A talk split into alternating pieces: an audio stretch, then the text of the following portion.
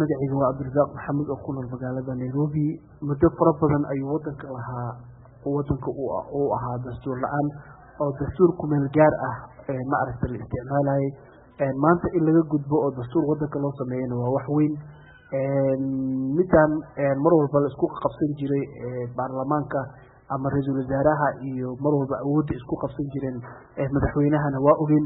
Dowladihii kan ka horeeyana waa ay ku guuleysan waayeen in ay wax isbeddel ay sameeyaan oo ma aragtay dastuurkii la ansixiyo.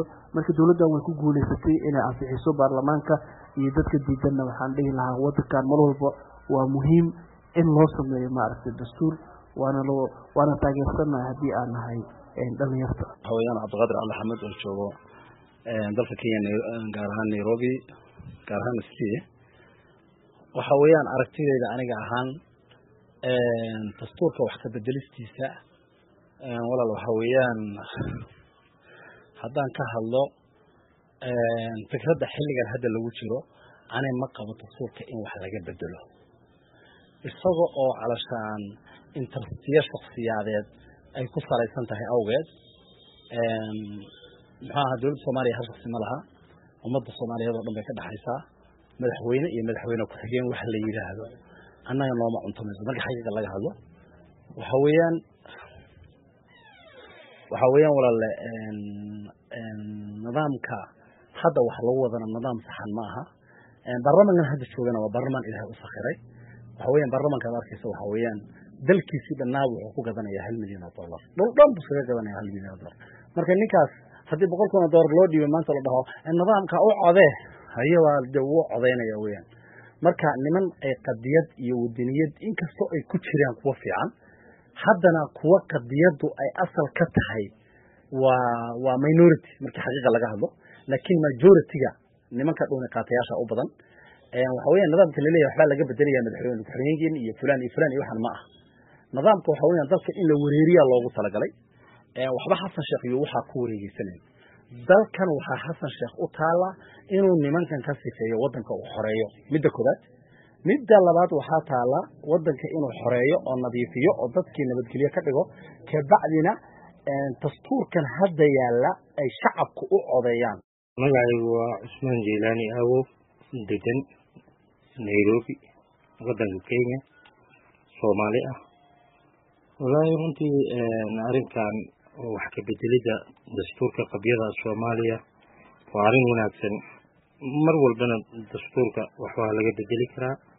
Aayad qur'aana soo degtay ma ahan waa heshiis uun wax lagu heshiiyey.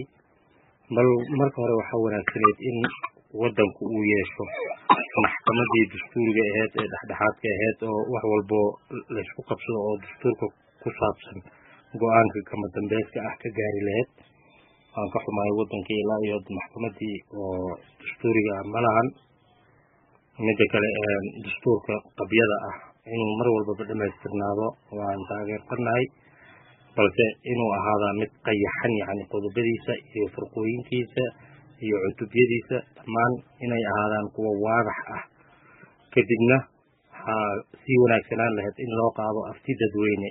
Dadka qaangaarka ah iyo dadka waaweynba ay cod u qaadaan waayo dastuurku maadaama uu yahay mustaqbalkii wadanka lagu hagi lahaa wadan walbana dastuur ayaa haga iyo nidaam iyo kala dambeyn iyo maxkamadihiisa magacaygu waa suldaan cabdicasiis cabdi gaaciye haddii aan horay u galo ama aan aragtidayda ka dhiibto arrintan dastuurka dastuurka waxaa weeye wax fara badan oo hortabin leh baa dowladda maanta hor yaalla oo hareeraysay waxaana loo baahan yahay waxaas in dadka soomaaliyeed la mideeyo dowladda soomaaliyeed waxaa hortabin leh oo hor yaallay inay amniga ay wax ka qabato oo ay hanato dhulka soomaaliyeed xuduudihiisa hawadiisa maxaan ku dhahaa baddiisa midayso dadkiisa.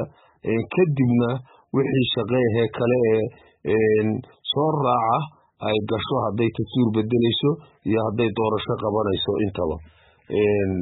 Waxaa nasiib darra ah. Iyada oo dadkii soomaaliyeed uu maanta qaybsan yahay oo dhibaatadii la ogaa ee uu ku kala tegay ay jirto haddana dhibaatooyin gaara oo maxaan ku dhahaa soomaaliya oo dhan ku wajahan oo bad iyo beri iyo cirba ku wajahan